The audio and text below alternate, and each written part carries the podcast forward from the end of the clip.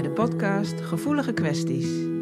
Mijn naam is Aafke de Vries en in deze podcast hoor je waar je als hooggevoelig persoon tegenaan kunt lopen en hoe je daarmee om kunt gaan. Dit doe ik door het delen van tips, ervaringsverhalen, interessante inzichten, informatie en interviews. Om jou te helpen jezelf beter te snappen en blijer te worden met jezelf. Ik wens je veel luisterplezier.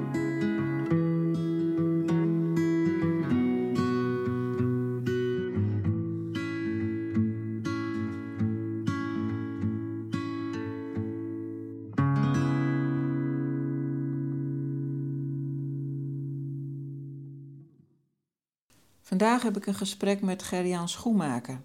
Hij is meditatieleraar en oprichter van Meditatie Instituut Nederland. Ik heb Gerjan ontmoet op een uh, stilte meditatiedag en daar was ook uh, yoga bij volgens mij.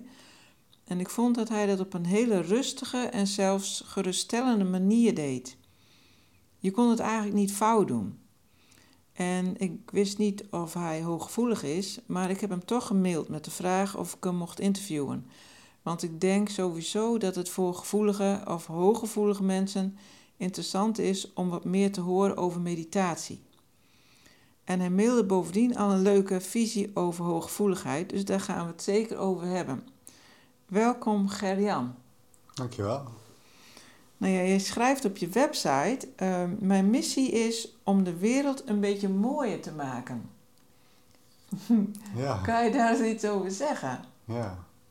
Nou, uh, doordat ik uh, zelf met meditatie bezig ben, ja. Uh, alles heeft een, uh, een, afhankelijk en een voorwaardelijk bestaan.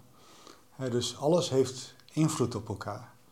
En als ik uh, met meditatie bezig ben en met de psychologie die erachter zit, ik ben dan met name met de boeddhistische psychologie bezig, dan maakt mij dat eigenlijk een stukje mooie mens, zou je kunnen zeggen. En in de zin van, het boeddhisme is heel gericht op het verminderen van ja, dan noemen ze dukkha, noemen ze ook wel stress, lijden, ongemak.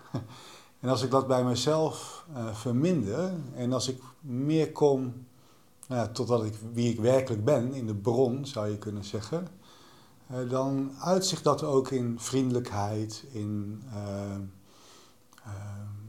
ja, liefde, vreugde. er is allerlei meer bevorderlijke kwaliteiten dan Hè, waar je anders misschien meer in zit.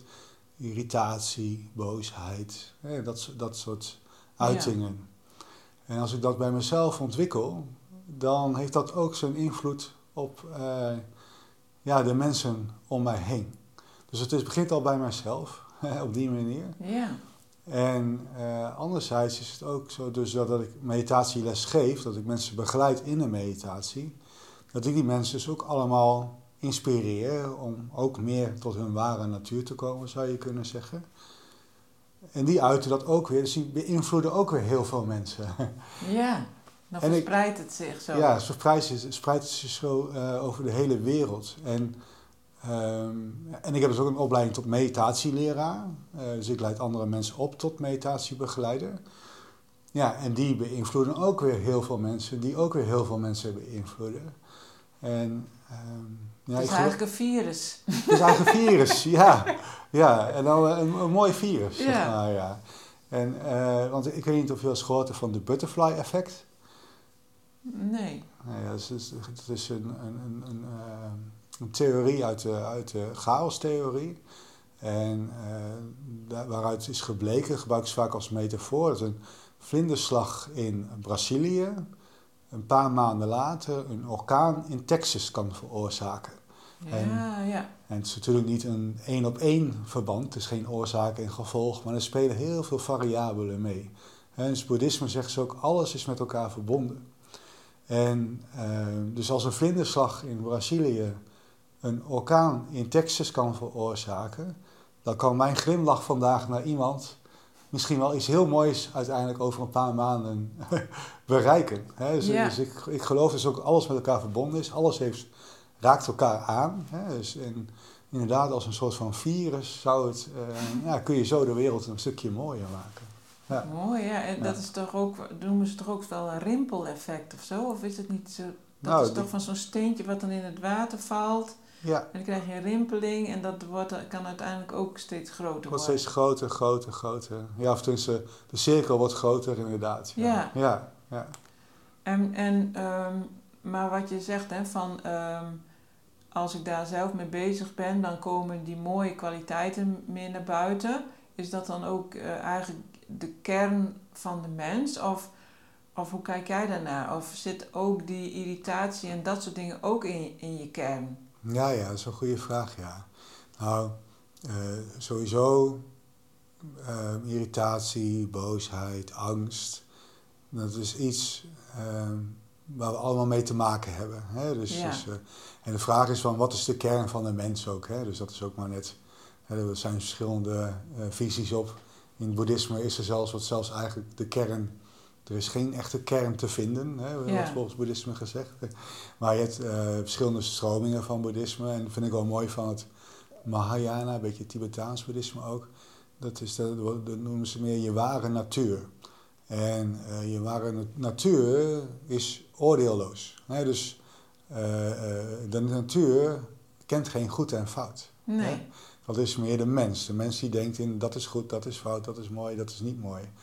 En, uh, maar de natuur kent dat niet. Dus dan zou je kunnen zeggen van, dat je je ware natuur kent geen oordelen, kent geen boosheid en geen angst in die vorm. Die neemt de dingen zoals ze zijn. En um, wij als mens, ik denk wel dat boosheid, irritatie en dergelijke, dat hoort bij ons. En het is ook zeker niet de bedoeling om dat weg te willen hebben. Um, of daar een oordeel over te hebben, want dan uh, verzet je je eigenlijk tegen wat er is. Hè? Dan verzet je je eigenlijk tegen de natuur, tegen, uh, tegen de waarheid. Dus het gaat er veel meer over. Um, um, nou ja, kijk, boeddhisme is vooral een pad naar de vermindering van stress en lijden, zou je kunnen zeggen. En dat het veel meer gaat over uh, inzicht in hebben hoe je dat stress en lijden kunt verminderen. Dus hoe je die boosheid, irritatie en dergelijke kunt verminderen. En dat is dus niet door het weg te willen hebben, maar juist door je te openen voor alles wat er is eigenlijk. Nou, eigenlijk gaat dan toch de weerstand weg, hè? De weerstand tegen iets, zeg maar iets, ja, je wilt dat iets niet is zoals het is en dan heb je weerstand. Ja.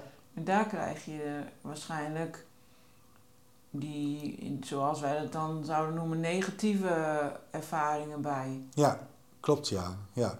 ja dus er wordt ook onderscheid gemaakt tussen pijn en lijden. Ja. Hè? En uh, we hebben allemaal te maken met vormen van pijn. Uh, maar als we weerstand hebben tegen wat er is, dus ook de weerstand tegen de pijn, dat zou je lijden kunnen noemen. Hè? Dus, en uh, het lijden doe je uiteindelijk zelf eigenlijk. En dat zou je ook niet kunnen doen als je daarin traint. Hè? En, maar goed, dat is niet iets wat je zomaar kunt. Ik heb, ik heb ook nog met heel veel weerstanden te maken. Maar in, in theorie zou je dan kunnen zeggen eigenlijk dat boosheid of angst uh, op zou lossen als je helemaal vrij zou zijn van weerstand. Ja, uh, Toch? ja, als je verlicht zou zijn of iets dergelijks. Ja. Ik, ik, weet niet of het bestaat, hè. maar uh, ik ben nog niet zo ver in ieder nee, geval. Nee, dat valt me dan wel een beetje tegen ja, nou, het gaat er veel meer om te, te doorzien. En, dat je ziet, en voor mij is het dus een signaal. dus als ik irritatie ervaar, of boosheid, of stress heb. als, het, als irritatie of boosheid is, dan weet ik gewoon dat ik de dingen anders wil dan hoe ze zijn. Dus dat er weerstand is. Als er angst is of stress, dan weet ik dat ik de dingen anders wil dan hoe ze misschien in mijn beleving mogelijk gaan. en, uh, dus dat is een signaal van, oh ja, dus het is allemaal oké. van, oh ja, dus angst, oh ja, dus, dus ik zit blijkbaar te denken in goed en fout scenario's. Ja. Uh, ik, ben, ik ben geïrriteerd. Oh, ik heb blijkbaar weerstand tegen, tegen wat er is. En, uh, en dan op zulke momenten helpt uh, meditatie jou? Uh, nou, op die momenten helpt mij de vruchten uit de meditatie. dus, uh, dus het is niet zo dat ik dat, die momenten moet gaan mediteren of zo. Maar ik, ik train in de meditatie eigenlijk um, om om te gaan, uh, anders om te gaan met wat ik tegenkom in het, in, in het leven. Ja. Dus in de meditatie kom je ook en prettige ervaringen tegen en ook hele onprettige ervaringen. Dus als, ik mijn been gaat altijd slapen. Nou, dat is niet fijn. en, uh, en ik heb ook uh, ik heb steeds minder pijn. Ik kan steeds beter zitten natuurlijk in de verloop der jaren. Maar de eerste jaren had ik, oh, wat was het vreselijk dat zitten. Overal pijn. Uh, maar de uitnodiging dus is eigenlijk om dan die pijn, tenzij je natuurlijk blessures krijgt, maar als het in eerste instantie die pijn te gebruiken om te oefenen om een vriendelijke houding te ontwikkelen naar die pijn. In plaats van dus je te verzetten. Dat je het weg wil hebben. Ja, dat je het weg wil hebben. Of dat je direct gaat wil oplossen. Dat je, dat je oefent dus om vriendelijk te zijn met dat wat er is. En, uh, ja. en, uh, en doordat je dat oefent in een meditatie, als je dan in het dagelijks leven merkt van hey, ik zit in irritatie of boosheid. En van, oh ja, ik ben niet vriendelijk bij dat wat er is. En dat kan soms ja. al voldoende, dus, dus dat opmerken kan soms al voldoende zijn om het te laten smelten, of om het te laten oplossen als het ware. Ja, dat is echt de kracht van, van acceptatie ook. Hè? Dat dan, zodra je iets echt accepteert, ja, dan, dan zakt het al of dan wordt het milder. Ja, het gaat, het, het gaat mij heel erg over dus, ja, het, het, opheffen van weerstanden. Dus komen tot acceptatie en overgave. Maar veel mensen denken van als je kan toch niet alles accepteren? Hè? kan toch niet overal aan overgeven? Ja. Hè? En, uh, uh, maar ik noem het ook al actieve acceptatie. Dus je neemt de dingen hoe ze zijn. Uh, je neemt de dingen zoals ze mogelijk gaan. maar je doet wel een stapje vanuit wat jij denkt dat bevorderlijk is. Hè? Dus een volgend stapje kun je wel doen. Ja. Dus we kunnen wel iets doen, maar we kunnen niets controleren. We kunnen niet alles bepalen. Dus, dus je doet wat bevorderlijk is en je neemt vervolgens neemt het zoals het leven zich ontvouwt. Ja. Ja, ja en dat zullen heel veel mensen heel moeilijk vinden, denk ik. Hè? Want uh, er is veel uh, behoefte aan uh, weten waar je aan toe bent of controle. Zeker ook met hooggevoeligheid. Er zijn veel mensen die willen heel graag weten waar ze aan toe zijn is ook wel aangetoond in het brein. Hè? Dus dat, dat uh, het hooggevoelige brein of het meer het atypische brein heeft veel behoefte aan uh, voorspelbaarheid. Ja. ja. En uh, ja, dat is iets uh, wat er natuurlijk heel vaak niet is. Nee. En daarom zie je ook dat er vaak stress is bij ja, gevoelige mensen of hooggevoelige mensen. Ja en de behoefte om dingen te controleren. En dan zou uh, zo'n oefening, wat jij omschrijft, dat je dat oefent met uh, ja, daarmee, daar op een andere manier een, ja, een andere houding te krijgen tot, tot hè, wat er allemaal zich aandient, ja. Uh, zou wel helpend kunnen zijn, denk ik. Ja, dus je kunt als je dat weet van jezelf, oké, ik, ik, um, ik heb moeite met die onvoorspelbaarheid. Ja. Dan kun je dus inderdaad, die actieve acceptatie is dus de dingen doen die jou voorspelbaarheid geven. Hè? Dus dat, dat kun je doen. Terwijl je weet van ja, het leven is onvoorspelbaar. Ja. dus je kunt uh, in beperkte mate kun je daar natuurlijk wel wat aan doen. Dat moet je ook zeker doen, dat is heel bevorderlijk. Uh, uh, terwijl je ook tegen jezelf kunt zeggen van ja, terwijl ik dit doe, zal het leven toch anders gaan dan, dan ik zou willen soms. En wat ik denk dat goed is. En het is niet allemaal voorspelbaar. Als je daar wel op instelt, ja, dan kun je misschien het ook meer toelaten als het, als het dus anders is. Ja. En je hebt denk ik vertrouwen nodig, dat het vertrouwen in jezelf groeit, dat je, dat je er wel uh, uh, mee om kunt gaan of, of zo. Ja. ja, alleen vertrouwen kun je niet echt afdwingen. Hè, dat kun je wel ontwikkelen. Ja, dus, uh, precies. Ja. En uh, dat vertrouwen, vertrouwen kun je eens ontwikkelen als je op dat pad bezig bent eigenlijk. Ja. Uh, dan door, ook door positieve ervaringen.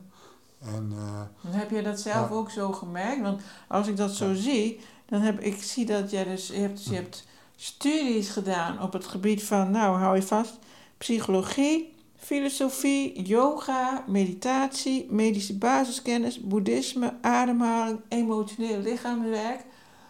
Waren dat is een hele lijst, hè? Ja. En, uh, maar heb jij dan dat zo ervaren dat, dat je toch uh, steeds meer vertrouwen hebt gekregen? Want, um, of heeft dat dan niks mee te maken? Want ik kan me voorstellen dat je. Hier, hier blijkt ook een nieuwsgierigheid uit, denk ik, toch? Een, uh, ja, een, of een fascinatie van hoe werkt alles precies. Ja, ja.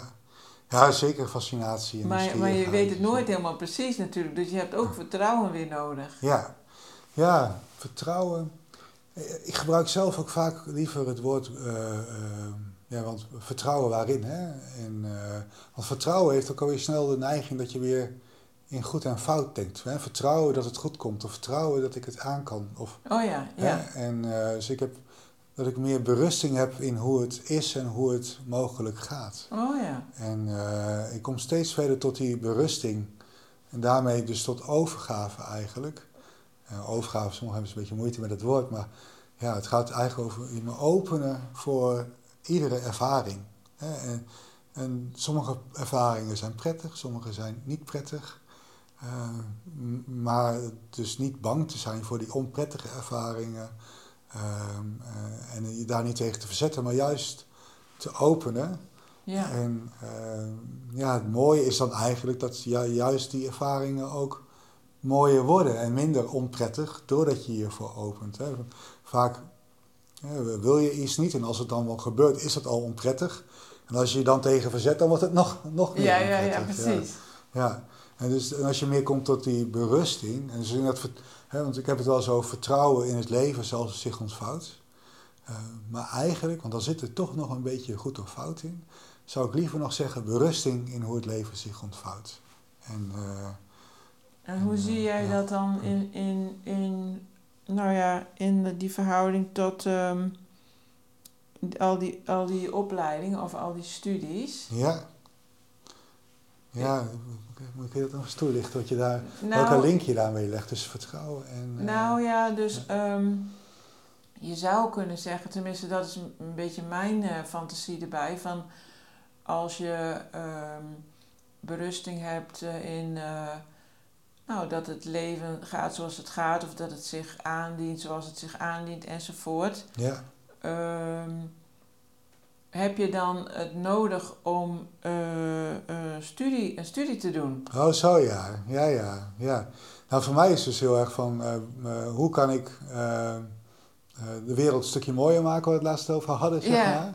Dus hoe kan ik mensen meer helpen om, nou, eigenlijk om, om dus dat, de stress en lijden te verminderen. Ja. En er zijn heel veel ingangen toe en heel veel visies op. En inderdaad, daar zit wel een nieuwsgierigheid van, hé, hey, hoe, hoe, werkt het in die situatie, bij die persoon? Uh, uh, wat helpt nog meer om, om die stress en lijden? Er zijn heel veel wegen ja. naar, naar, dat, naar die bevrijding, zou je kunnen zeggen. En uh, mijn basispad is boeddhisme, Theravada-boeddhisme. Dat, dat is waar ik, dat is echt mijn basis, dat is de rode draad tussen... ik heb dan een opleiding tot meditatieleraar en een coachopleiding, daar hebben we straks ook erbij. En, en wat daar eh, de rode draad is, is Theravada-boeddhisme. Maar er zitten ook allemaal elementen uit alle andere uh, visies en stromingen zijn er ook in verwerkt. Um, omdat ik denk van ja, er zijn veel meer ingangen naar die bevrijding toe. Eigenlijk, ja. ja naar die, dus uh, eigenlijk dat jij een zo groot mogelijk uh, palet hebt ja, waar je uit kan kiezen ook om mensen verder te helpen. Ja, ja, ja. ja. Ja. Mooi. Ja, dan zijn er nog. dan zijn dit eigenlijk nog maar op. Ik heb zo'n wensenlijst en wat ik oh, allemaal ja? nog interessant vind. ja. ja, dus daar moet ik zelf ook de rem erop zetten. Voor, ja, dat is niet allemaal mogelijk en wenselijk om dat allemaal te gaan doen. Dus uh, net zoals mijn boekenkast, ja. Het, uh, ik denk dat uh, de helft echt gelezen is en de andere helft had ik graag willen lezen. En ik heb altijd nog het idee, misschien is de illusie, dat ik de, de, tijd vrij heb dat ik zeg van, nou, ik ga nu een paar maanden lekker lezen. ja, ja, ja. Nee, maar dat, uh, ja, nee, er is zoveel interessants en uh, ja. Maar ik las ook dat jij een, um, een marketingbureau had gehad, maar dat lijkt me dan ook zo'n uh, tegen, tegenovergestelde bijna van meditatie. Ja. Maar misschien is dat helemaal niet zo, maar het is zo, in mijn beleving is marketing zo naar buiten toe gericht en meditatie zo naar binnen toe gericht. Maar ja. misschien is dat veel te simplistisch gedacht. Uh, nou, misschien is het wel waar. Ik, want ik zat laatst ook nog een keer te denken van... Toen ik voor gekozen had, was ik uh, uh, 18 of zo. Toen had ik het idee van ik wil in de reclame, iets in de reclame doen. Ja. En, ehm, of ik wou psycholoog worden. Nou. En, en, ja. Nou, in de, in de reclame zit ook veel psychologie, hè? Precies, dat is het dus. Want, Ja. daar, want wat, wat trok mij heel erg aan is van, oké, hoe mensen denken, eh, dat, dat, dat stukje, stukje trok mij heel erg aan. Ja, waarom destijds het meer richting de marketing is, is gevallen, ja, dat weet ik niet goed meer. Ik denk het toch, toch wel dat het lonk zo van, oh, dan kun je dat doen en het geld verdienen en dat soort dingen. Ja. Ik denk dat dat, dat op die leeftijd bij mij echt wel eh, eh, triggerde en eh, ook wel mooie dingen maken. Ik, ik, ik hield er heel van vormgeving en zo. En, Oké, ja. Nog Meer opleiding, de opleiding esthetische gedaan. kant. Ja, de esthetische kant. Dus, dus dat, vanaf daar was ook, dat vond ik al, ik had grafische vormgeving gedaan. En eh, dus dat was ook al een beetje logische eh, weg daarna, zeg maar. Ja. Dus dan was de psychologie wel weer heel wat anders geweest. eh, ja. Dus de reclamekant was ook was logischer. En ik was altijd wel handig met, op de computer, met, met internet. En dus, dus toen heb ik de opleiding, online, nee, opleiding commerciële chemie gedaan. En vervolgens eh, ben ik begonnen met een eh, reclamebureau waar ik dan ook een stukje webdesign oppakte. En Ah, na dat reclamebureau heb ik denk ik zeven jaar gehad. Heb ik, eh, ben ik verder gegaan met een online marketingbureau. En toen heb ik een burn-out gekregen. Oh, dus er ging toch iets niet helemaal goed? Ja, ja. En dat is voor mij een eh, geluk geweest. Want toen ben ik eerst bij een psycholoog gekomen. En ik weet niet of het kwam. Want toen- ik weet wel, dat ik, misschien lag het aan de klik die ik had met die persoon. eh, of, of het was de methode, of het is überhaupt de westerse psychologie op dat moment. Of, maar in ieder geval, ik voelde van dit is nu niet wat ik moet doen. Ehm, ik voelde van nee, ik, het, het gaat niet over alleen dit stukje. Eh, ik, ik, ik moet totaal anders gaan leven. Ik moet Ja. totaal anders in het leven gaan staan en, eh, en anders naar het leven kijken. Dus op een of andere manier had ik zoiets van, nou, misschien zit het ergens in de meditatie of in het Oosterse wijsheden. Op een of andere manier trok mij dat toen. En kun je daar kort iets over zeggen van wat moest er dan veranderen? Voor jouw gevoel in je Ja, nou, ik op dat moment zat, zat ik helemaal aan de grond. Helemaal eh, en een burn-out en eh, mijn relatie ging toen ook uit. En ehm, eh, ja, eh, mijn levensstijl. eh, je ja, ging over je eigen grens of ja, zo? ik Of, ging, of je, ik, je ik ging zwaar over mijn eigen... uit? ja, ik putte mezelf helemaal uit. En, Ja. eh, ja. Dus eigenlijk gewoon En, te weinig contact met jezelf. ja, ja. En, Ja, ik kan me niet goed terugplaatsen van hoe het dan precies zat. Maar ik wist wel van, het moet veel radicaler en, en, en Ja. veel dieper dan eh, een probleem oplossen. Het moet veel, Ja. Veel ik moet als persoon echt transformeren eigenlijk. Ja. En toen wist ik nog niet precies hoe of wat. En toen ben ik bij Dingelman Boot uitgekomen hier in Zwolle. Oh ja, toevallig. Zo gewoon meditatie Zwolle. En toen bleek, dat wist ik pas later, dat Dingelman Boot echt een voornaam eh, persoon was binnen de Vipassana-wereld. En toen had ik gelijk een onderricht van een heel eh, ervaren en wijs man. En eh, ja, vanaf daar is het allemaal eh, begonnen eigenlijk. Ja, toen werd het, eh, zeg maar, het vlammetje ging aan. Ja, Om het, ja. ja, en toen ben ik toch eigenlijk, als je dan nu een beetje kijkt, ben ik toch een beetje uitgekomen. Hè? Die, die, die keuze die ik toen een beetje op 18-jarige leeftijd had gemaakt van reclame of psycholoog, is het nu toch een beetje richting de psycholoog gekomen. Ja, ja, Ja. ja. ja, Maar het had waarschijnlijk ook niet andersom gekund. Nee, nee nou, weet ik niet. Het is hier was gegaan zoals het is gegaan. Ja. En eh, achteraf eh, denk ik van wauw, wat een mooi pad, wat een avontuur. dus, eh, ja, ja, en het heeft me dus heel veel inzicht opgeleverd. Ja. Ja. wel leuk. ja. Hey, en ehm, ik zei net al van, ehm, nou ja, over dat hooggevoelig zijn. Mailde jij al iets van, ehm, ik weet het niet meer precies, maar dan weet jij denk ik beter. Maar ik, ik geloof meer in dat iedereen hooggevoelig is. En als je uh, dat, dat, dat niet zo ervaart, dan ben je eerder niet goed in contact met jezelf, om maar zo te zeggen. Ja, goed en fout zit daar dan weer een beetje in, maar... Uh, en dan ben je eerder laaggevoelig, zoiets schreef ja, ja, ja, ja, Dat vond ik wel leuk, maar hoe, hoe zie jij dat? Nou, inderdaad, ik heb er wel eens over nagedacht. Want ik heb natuurlijk ook wel hooggevoelige mensen in mijn, uh, in mijn dichtbij. Mijn vrouw is volgens mij wel hooggevoelig. En, uh, en mijn kinderen misschien ook allebei wel. En, en, en ik heb mezelf eigenlijk nooit een testje gedaan of zo. Maar ik krijg ook vaak te horen dat ik het ook ben, zeg maar. maar ik ben zelf ook, ook dat, hè, dan zet je jezelf ook weer vast met een labeltje zo. Ja, dus ja. probeer dat ook niet zo, dus ik, heb, ik ga ook geen, dat niet zo verder bekijken. Nee. Maar inderdaad, ehm, eh, ik heb er zo over nagedacht en toen dacht ik van ja, ehm, is het wel zo dat, dat die mensen die dan zichzelf hooggevoelig noemen of hooggevoelig genoemd worden, hooggevoelig zijn?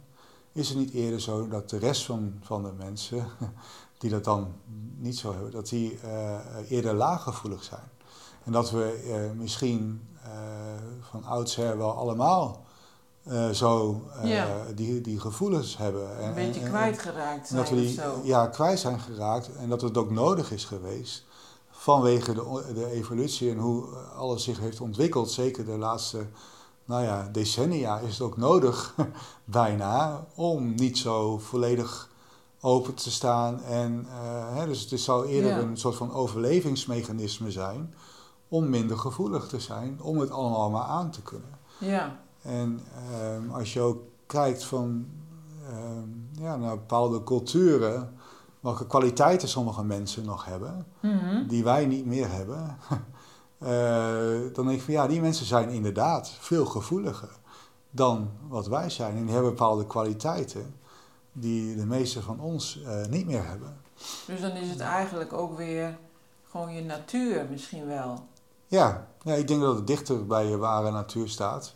Ja. Dan uh, als je die gevoelens wat minder hebt. Dus ja, dus want het, vaak staat ook eigenlijk dichter bij die vriendelijkheid, bij die liefde. En, ja. ja. want, want het andere is eerder een schild. Hè? Dus ja. ja. Ja, dat is wel interessant, hè? Ja. En dat die hersenen misschien ook die kant op gegroeid zijn, zeg maar. Ja, dat klinkt misschien wat uh, een beetje plastisch, maar. maar um, want ze kunnen een, een verschil zien in de hersenen, zeg maar. Niet zozeer dat ze er heel anders uitzien, maar wel Ehm, dat bepaalde hersengebieden uh, actiever zijn bij hooggevoelige mensen en ook dat er meestal in een, bijvoorbeeld in een ontmoeting uh, meer hersengebieden meedoen. Oh ja.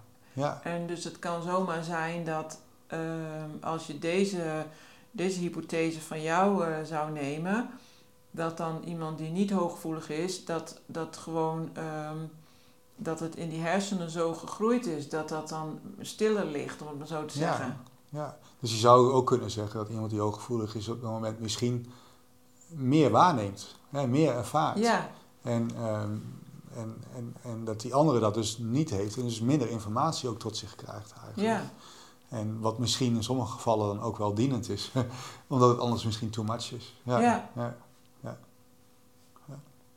Ja, maar het is, wel mooi. Nou, het is voor mij ook maar een hypothese. Maar ja, het is, ik, maar ik vind het wel leuk. Want weet je wat het is? Want eh, heel veel natuurlijk uh, mensen met een uh, ja, iets in die richting. Het kan ook ADHD of autisme of, of hooggevoeligheid. Het zit allemaal een beetje in zo'n gebied. Er zitten natuurlijk wel wat verschillen tussen, maar er zitten ook veel overeenkomsten in.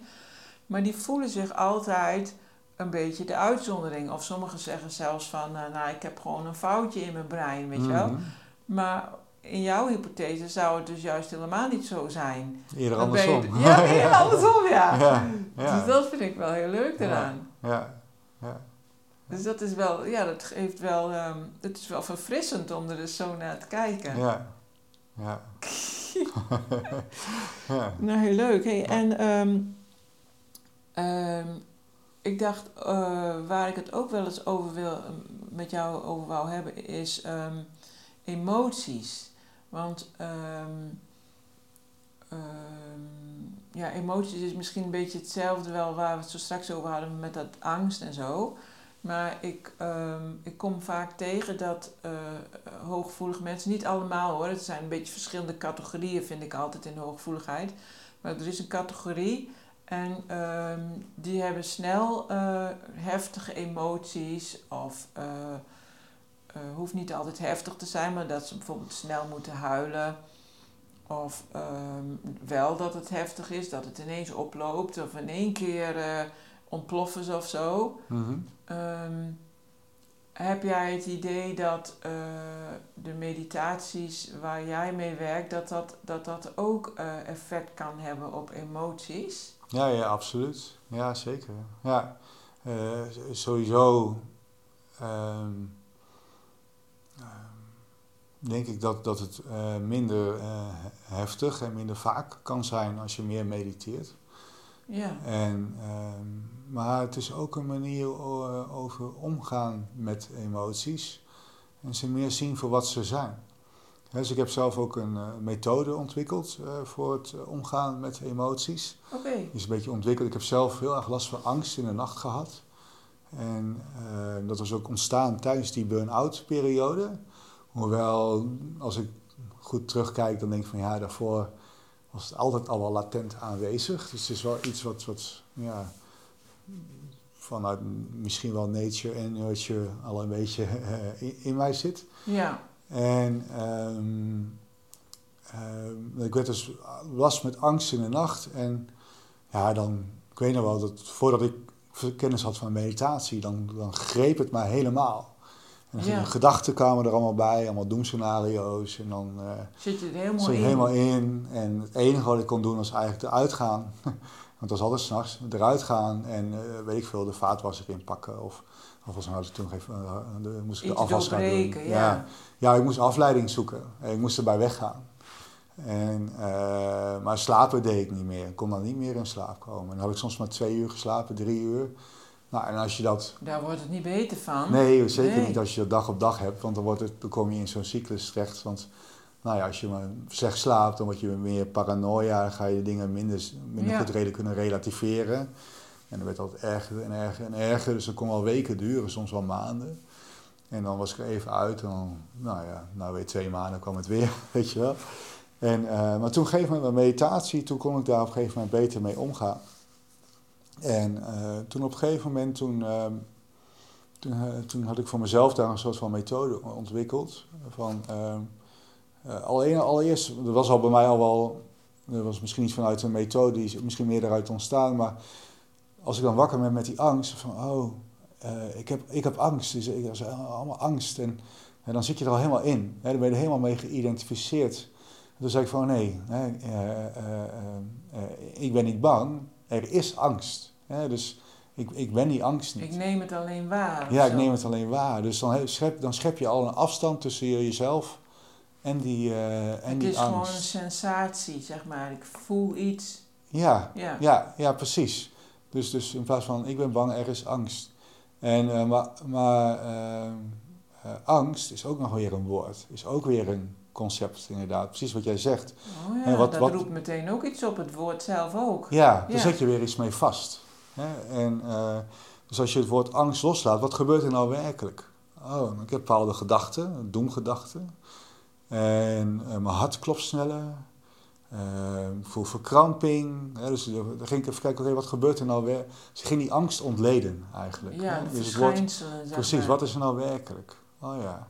Maar dat, Um, dat mijn hart sneller klopt en dat die doemscenario's aan gedachten voorbij komen. Dat zijn ook allemaal nog weer woorden. Ook allemaal weer ideeën, concepten. Die je ook nog weer oh los kunt laten. Dus toen ging ik gewoon helemaal volledig zijn met die angst. Maar er helemaal volledig voor openen. Dus helemaal toelaten. En, um, uh, voorbij alle woorden. Voorbij alle concepten helemaal mee zijn. En dan ja, net zo lang uh, totdat het op een gegeven moment werd het minder. Omdat je zo op je lichaam gericht bent, dus op die, die lichamelijke sensaties wat je daar ervaart, voorbij de woorden. um, voed je die angst niet meer. Want je, geeft, je zit niet meer in die... In die nee, je zit met je focus ergens anders. Ja, met je focus ergens anders. En het is ook geen angst meer, want er is alleen maar ervaren. Dat is wat het is. Er, er is geen angst. Er is alleen maar ervaren van, van sensaties. Ja. En daardoor ebte de angst op een gegeven moment ook echt weg. Of nou ja, de, de sensaties. en, uh, en, en, kon ik vaak ook weer verder slapen. En soms na tien minuten, soms na een uur. Uh, maar ik kon weer verder slapen. En waardoor ik niet in die cyclus uh, belandde van... Ja, en je voelt het niet. Nee, nee. En dat hielp mij heel erg. En waardoor ik niet... had ik toen soms wel een paar dagen, maar niet meer weken of maanden. En het werd ook steeds minder. maar ik had nog altijd wel zoiets van... Het is wel vervelend dat die angst er nog is. Dus, dus, dus ik had al acceptatie van als die angst er was, had ik, kon ik het volledig toelaten, helemaal voor openen. Maar ja, als die dan voorbij was, ja, het is wel vervelend dat het steeds terugkomt. Dus ergens was er toch nog een voorkeur ten opzichte van wat er, wat er was. En op een gegeven moment had ik zoiets van, nou, waarschijnlijk hoort het de rest van mijn leven bij me. En, en, uh, en toen ik dat echt zo voelde, zo ervaren, dat ik daar ook echt oké mee was, toen kwam het niet meer terug. Uh, ja? ja. Wat goed, hè? Tot, oh. tot een paar maanden geleden was het er weer. En uh, toen had ik het weer opnieuw te aanvaarden, merkte ik. Ja. En uh, nu is het weer weg. En, en het is ook oké. Okay. Waarschijnlijk zal ik ook, het zal best mogelijk zo kunnen zijn dat het de rest van mijn leven. Maar ik zie het niet meer als. Dus ik merk gewoon van, oh ja, ook daarin had ik dus weer opnieuw weer even te zien van, ik had blijkbaar toch weer een voorkeur van hoe het leven zou moeten zijn. En, en kan het ook zijn dat op dat moment um, er iets meer spanning was in je leven of iets meer drukte of zo? Want dat hoor ik ook vaak en dat zich dan weer dat soort dingen aandienen. Ja, nou in dit, dit geval was ook echt wel een concrete uh, omstandigheid. Soms zijn omstandigheden ook, was ook iets wel echt waarvan je zegt van nou, de meeste mensen zullen daar misschien ook wel angst bij hebben. Dus, ja, dat uh, bedoel ik. Dus ja, dan is er ja. ook echt uh, iets. Ja, ja, ja. ja. Dus, dus het, is ook helemaal, het gaat meer inderdaad toch over van hoe verhoud je je daar tegen. En uh, het is, kun, je, kun je het echt mee, oké mee zijn dat, die, eh, dat, dat er ook onderdeel van het leven is. Ja. Ja. Ja, ja mooi. En, en hoe zouden nou, als je hier, uh, zeg maar, uh, de luisteraars die hier denken, oh, ik heb dat ook en ik kan helemaal um, ja, helemaal in paniek raken. En ik, ik kan ook helemaal bang worden voor de paniek. Weet je wel, dat hoor ik ook vaak. Of um, ik, ik, um, ik ben altijd zo bang dat ik weer moet huilen. Of ik ben bang dat ik moet blozen. Weet je wel, allemaal die dingen. Dus dan ben je al bang voor, voor wat er überhaupt uh, gaat komen. Of gaat, ja. met jezelf, wat, wat er gaat gebeuren met jezelf. Heb je dan een eerste ja, een soort tip of een soort mini-oefeningetje of zo, waar mensen dus mee zouden kunnen beginnen. Ja, ja. Nou, uiteindelijk gaat het erover van dat het ook oké is als je gaat blozen. Dat het ook oké is als je. Hè, dus de, ja. daar een soort van uh, berusting in vinden. Ja. Dus niet het vertrouwen van dat het niet gebeurt. Hè, nee. van, hè, vertrouwen dat het wel goed komt. Want dan zit je nog weer in goed en fout scenario's. Ja. Dus het gaat heel erg over aanvaarden van hoe het zich gaat zich aandienen. Ja, dus en als het dan gebeurt of iemand voelt het aankomen, ga je dan um, bijvoorbeeld, uh, los van wat je denkt, hè, je kan bijvoorbeeld denken van, um, uh, ik accepteer dat het er is of zo. Ik, ik weet niet of je dat precies denkt, maar, ja. maar, maar ga je dan ook bijvoorbeeld met je aandacht even naar um, je ademhaling of, of ga je ja. Eh, je focus verleggen naar je grote teen of zo, ik zeg maar ja, wat. Ja, ja. Nou, uh, enerzijds wel. Enerzijds, uh, uh, wat ik zelf wel eens doe, is dat ik naar ademhaling ga. Of het voelen van mijn hele lichaam. En wat, oh, ja. wat, wat, voel ik, wat, wat, kan ik er allemaal in ervaren? wel vanuit die openheid. Hè? En, want, want het is inderdaad een trucje. Hè? En, ja. wat ik zelf ook al toepas hoor, dus er is niks mis mee. Uh, maar uh, dus inderdaad, voor beginners is dat wel mooi.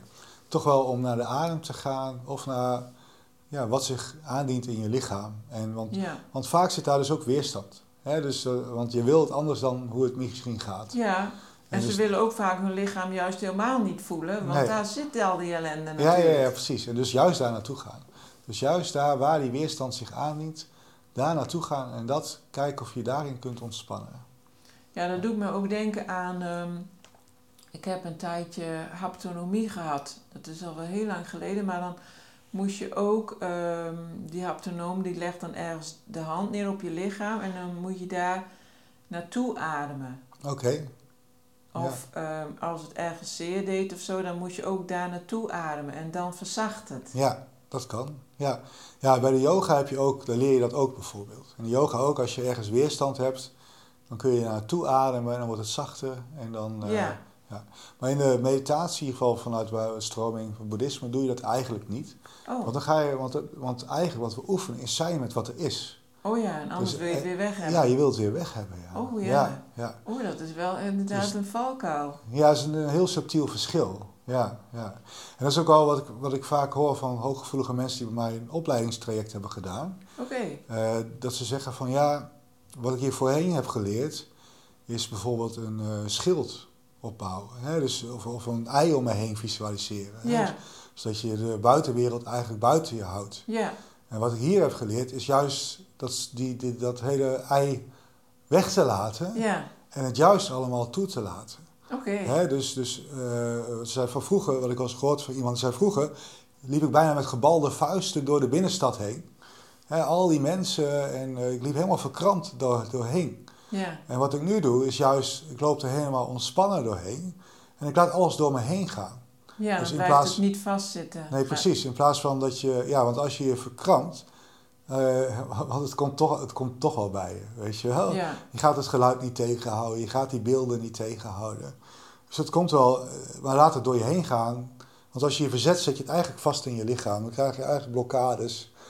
En, uh, en als je ja, meer vanuit die, die overgaat, vanuit die over, door je helemaal voor te openen, dan kan het, komt het wel in, in je, komt het wel binnen, maar kan het ook gelijk weer doorstromen. En dan kun je het als het ware beter kanaliseren. Ja, mooi is dat, ja.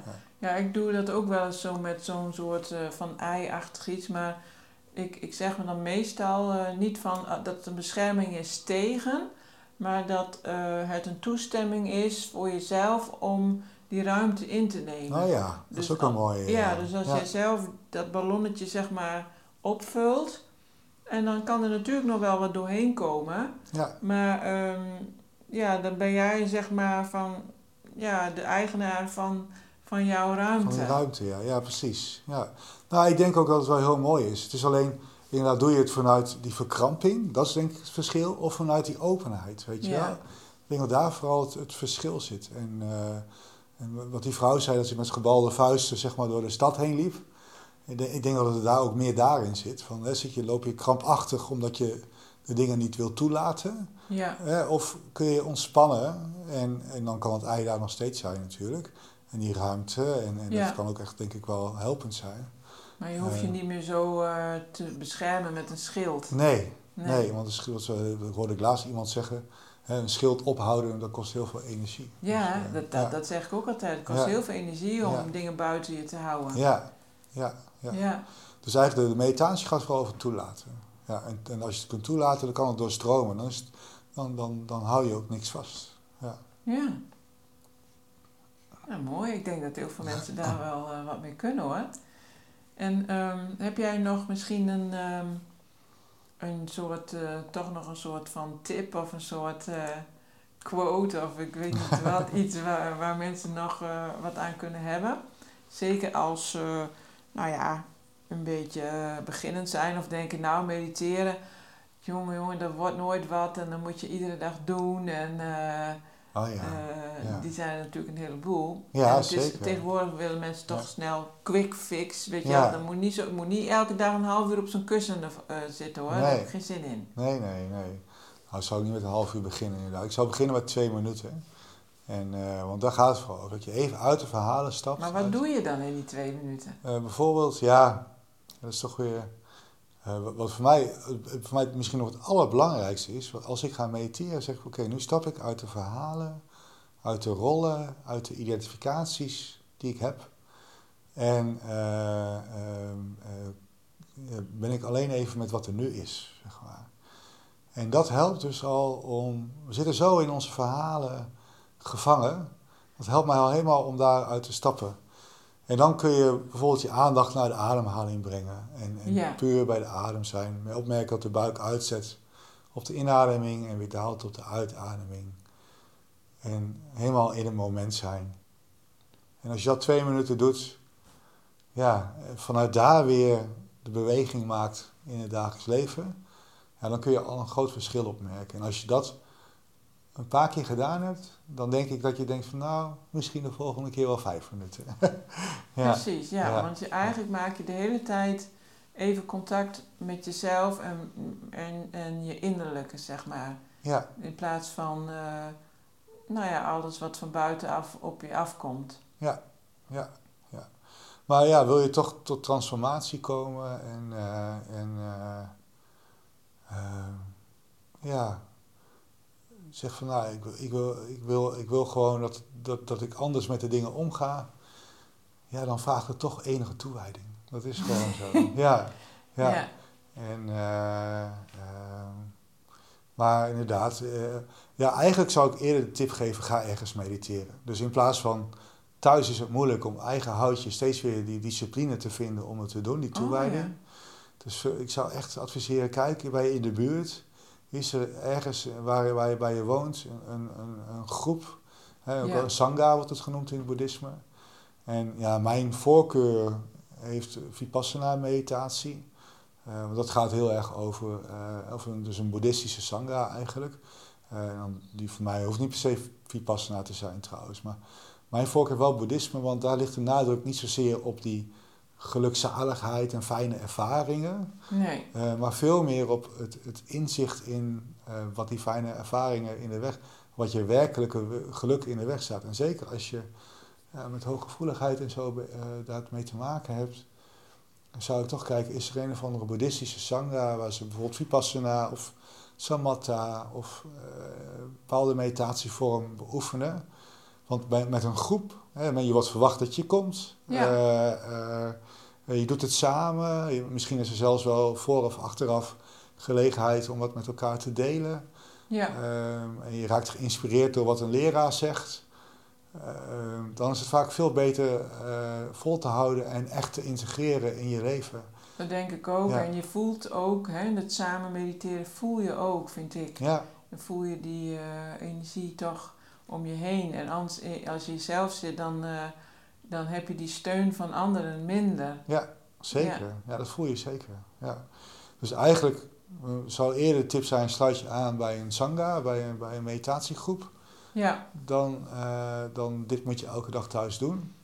Want dat is inderdaad voor, voor veel mensen veel moeilijker. Ja, dus lukt zeker even, om het vol te houden. Ja, lukt even een paar dagen of een paar weken en dan niet meer. En als je bij zo'n sangha bent. En dan, als je dan een jaartje bij zo'n sangha ben geweest. ga dan een retraite doen, want ik weet nog wel, het, ik, uh, ik had een jaar gemediteerd en ik had al wel in de gaten, dit, dit geeft mij heel veel, veel rust. En dat hielp mij echt bij mijn burn-out toen.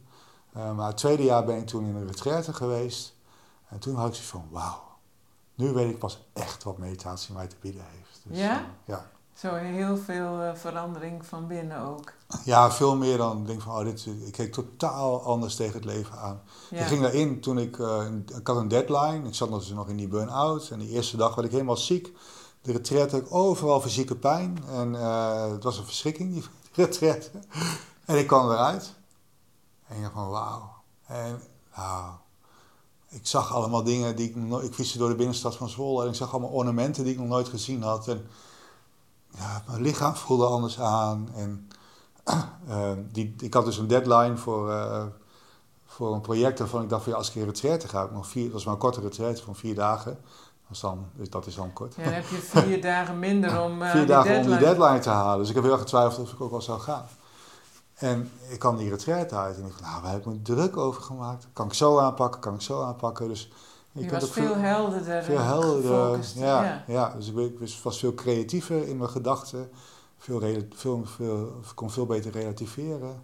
Ja. Dus, uh, maar goed, dat is, daar zou ik niet mee beginnen. Maar uh, als je zegt van nou, hey, ik, ik, ga op de, ik ga hiermee bezig en ik wil tot transformatie komen. Hè, dan, uh, dan is dat wel een mooi pad. Ik zeg van nou, hè, begin begin met, bij een meditatiegroep in de buurt, één keer per week, één keer per twee weken. En heb jij dat ook? Kunnen ze ook bij jou in een meditatiegroep? Wat zei je? Kunnen ze ook bij jou in de meditatiegroep of is het vooral les? Of? Nee, dat kan. Nee, in, in Zwolle, uh, als je in Zwolle woont of in de buurt van Zwolle, dan... Uh, ja. Dus het is niet iets, als je, als je ver weg woont, dan zou ik zeggen van kijk, kijk vooral bij jezelf in de buurt, zeg maar. Ja. ja. En, en hoe kunnen mensen jou vinden? Want ik zet wel even jouw website onder de podcast, maar kan oh, je het ook nog even noemen? Wat is jouw website? Ja, dat is meditatieinstituut.nl. Ja. Oké. Ja. Nou, dan gaan mensen er vast wel op kijken. En, uh, ja. en uh, wie weet hebben ze daar nog meer inspiratie. Want je hebt ook filmpjes erop en zo. Dus, ja, klopt. Ja. Ik heb ook zelf een YouTube-kanaal. Oké. Daar, daar, heb ik ook allemaal geleiden. Mee. Dus dat is ook nog wel een, een tip misschien. als je zegt van vind het moeite om voor mezelf in stilte te mediteren. Ik heb er allemaal geleide meditaties en ook lezingen. Ik heb van alles daarop staan. Dus, ja. ja. Oh, die kunnen we er ook wel even bij zetten. Ja, dat is goed. YouTube ja. ja, als je op YouTube zoekt op meditatie Gerjan, dan uh, vind je het ook wel. Maar fijn als je het erbij zet. Ja. Oké. Ja. Nou, ik wil jou heel hartelijk bedanken voor dit gesprek. Graag gedaan. Het was uh, inspirerend en uh, ik denk dat ik ook weer wat meer ga mediteren. Oké, ja, fijn. Dankjewel dat je me uitgenodigd hebt. Fijn om hier te zijn. Ja. Wil je meer weten over jouw hooggevoeligheid en hoe je ermee om kunt gaan? Kijk dan eens op mijn website, waar je als deelnemer toegang kunt krijgen tot alle trainingen, waardoor jij in balans kunt komen en blijven. Ga naar www.dathebiknoualtijd.nl voor meer informatie en om jezelf in te schrijven. Is er een onderwerp waar je graag een podcast over wilt horen? Of ben je benieuwd naar een interview met iemand? Laat het me weten. Ken je iemand die deze podcast interessant zou kunnen vinden? Stuur hem dan gerust door. En als jij dit een waardevolle of leuke podcast vindt, dan zou ik het heel erg waarderen als je een review achterlaat. Bedankt voor het luisteren en tot de volgende keer.